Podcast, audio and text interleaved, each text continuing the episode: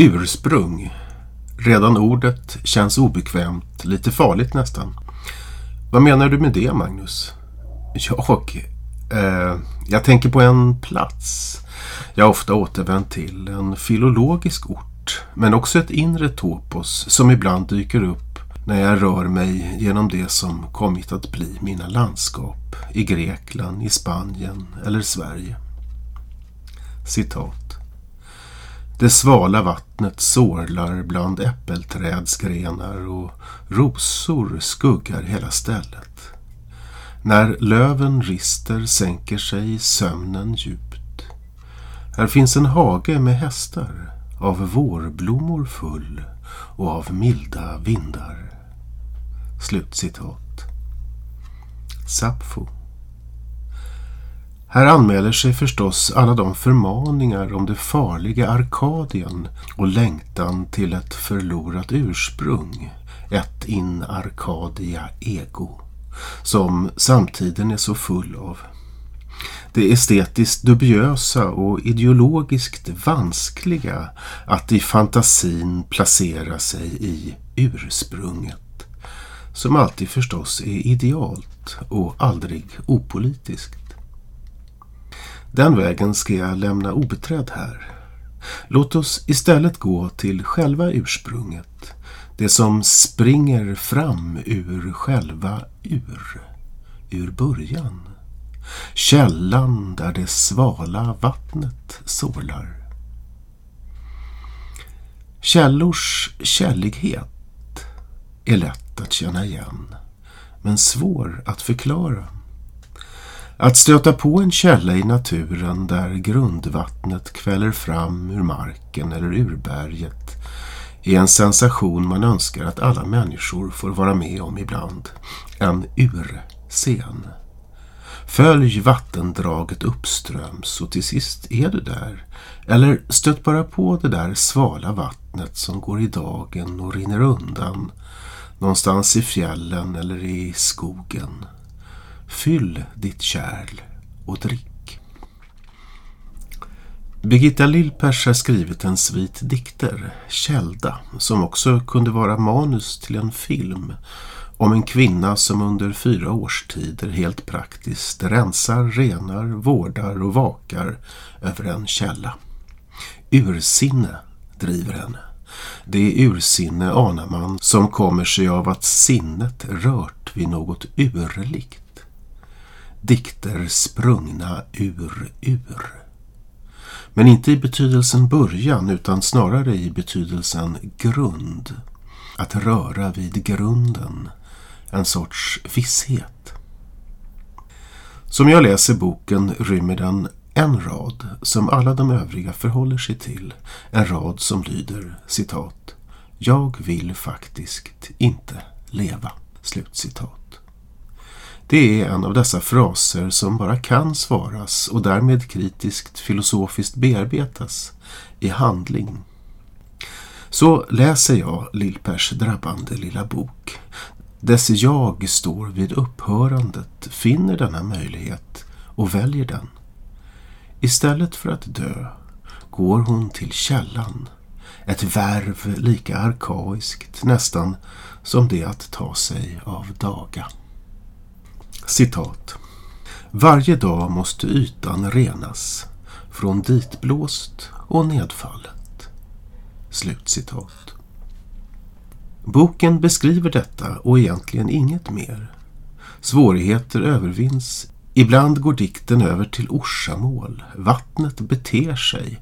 Vargar kommer och dricker ur källan.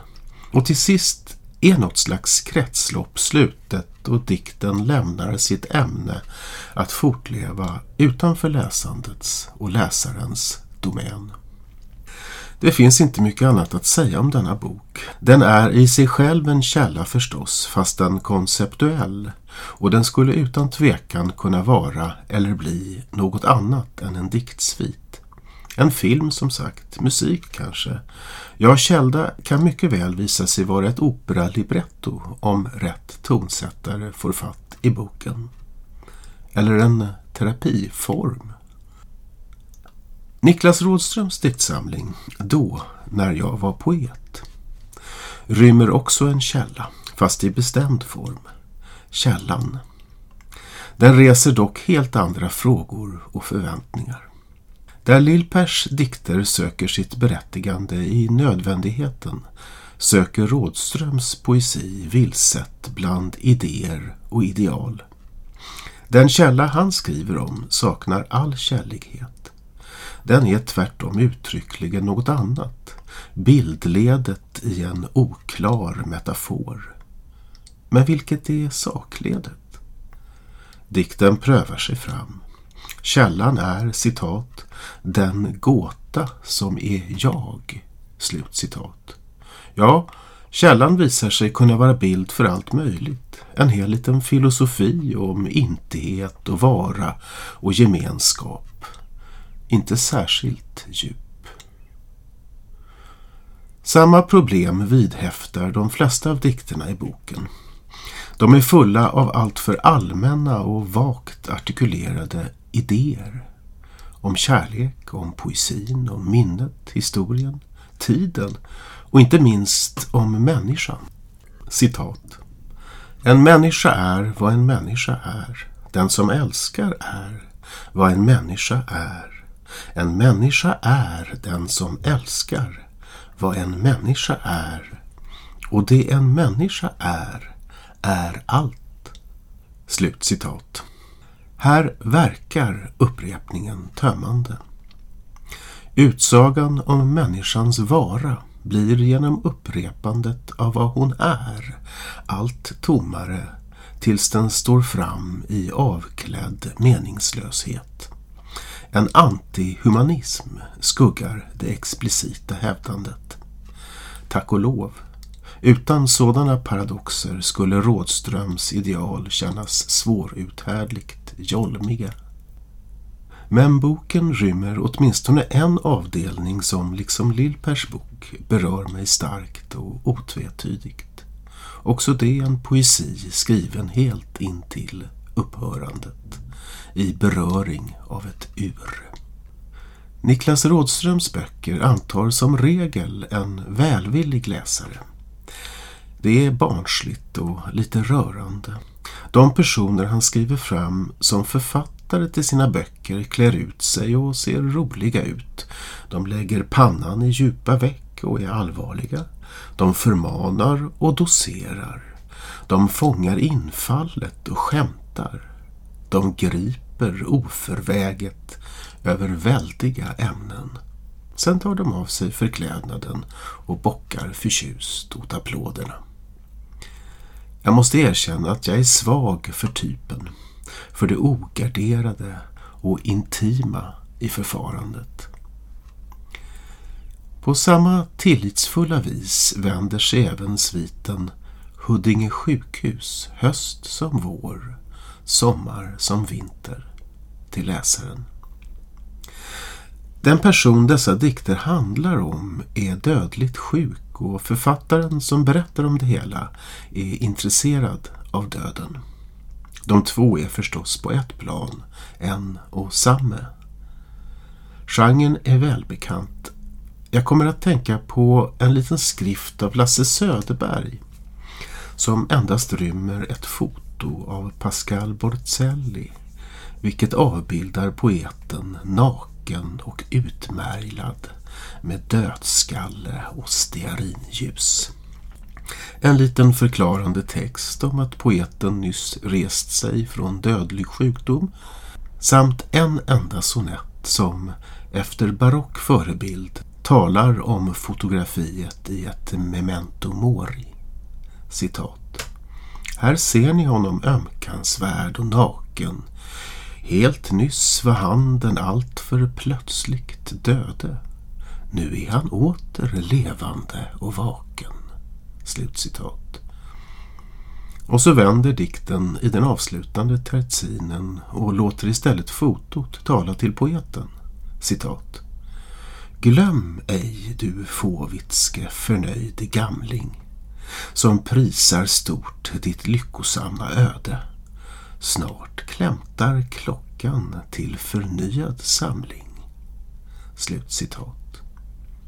Applåden som på en gång bekräftar och upphäver det dödsallvarliga i scenen är, om inte inskriven så avgjort förutsatt i verket. Niklas Rådström är inte lika radikal och burlesk som Lasse Söderberg. Men sviten från Huddinge sjukhus rymmer samma ingredienser. En spegling i döden inför publik. Den slutar, citat. Den vita venen som hänger som en blomskälk ur mitt bröst den svarta ormen som äter sin egen svans. Nyckeln som glömt koden till låset. Blodet som en vilsen förskolegrupp. Bläddrande i blinda böcker.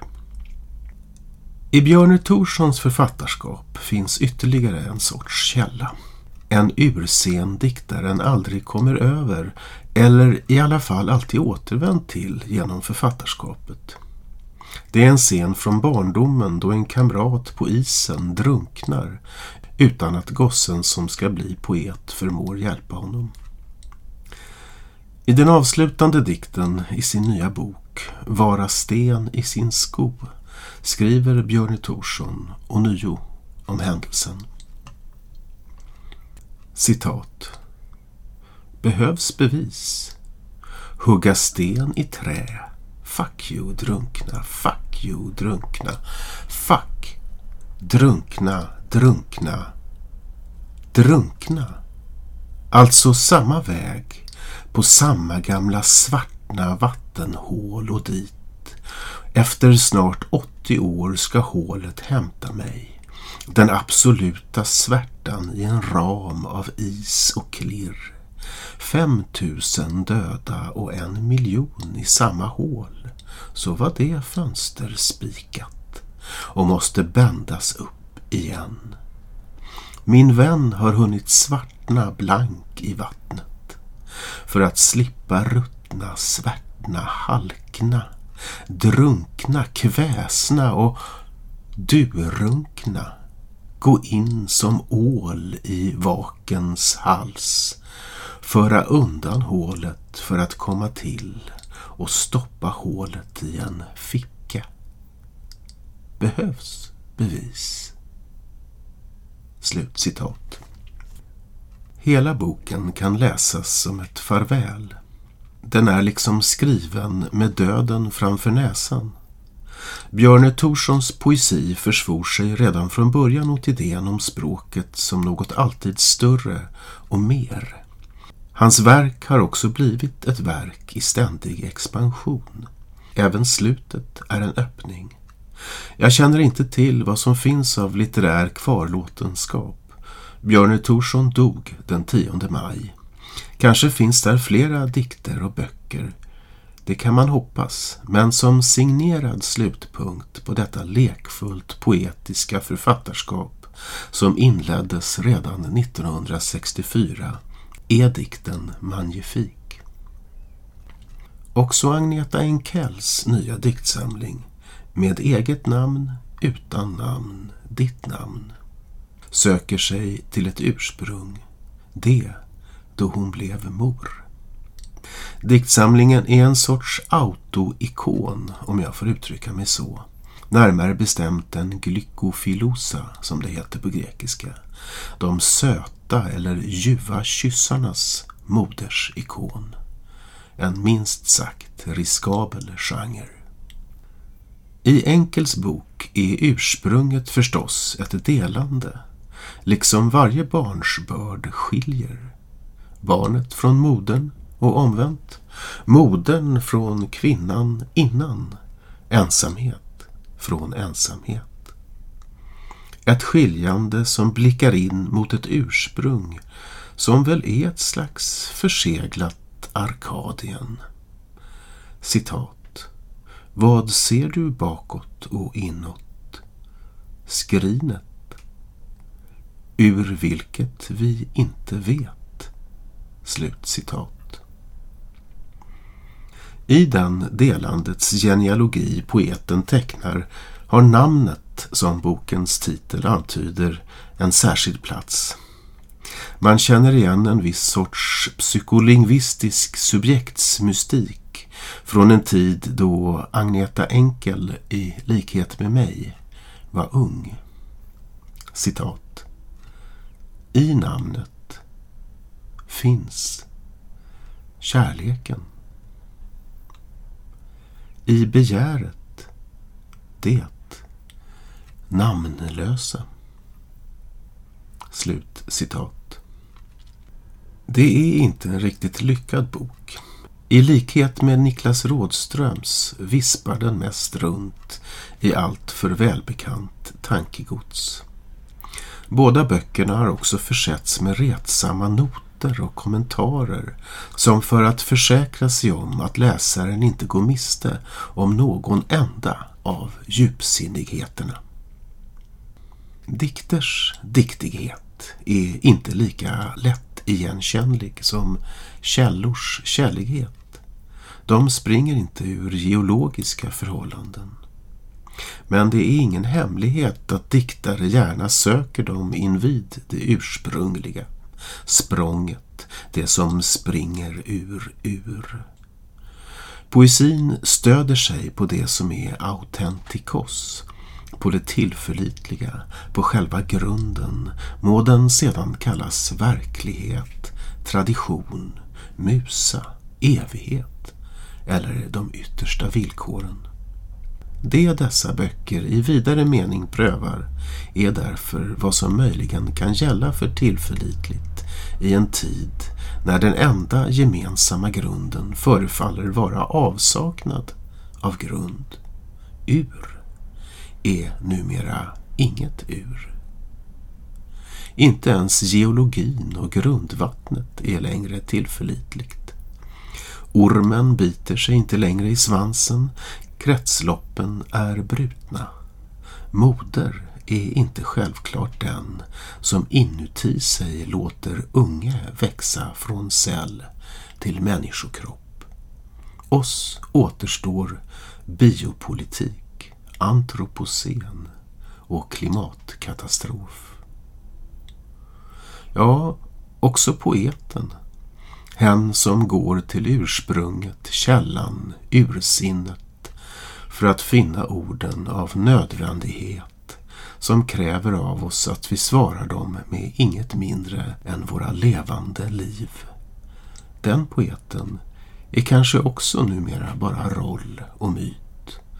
Någon vi kan fantisera om att vara eller möta i ett idealt och oåterkalleligt Arkadien.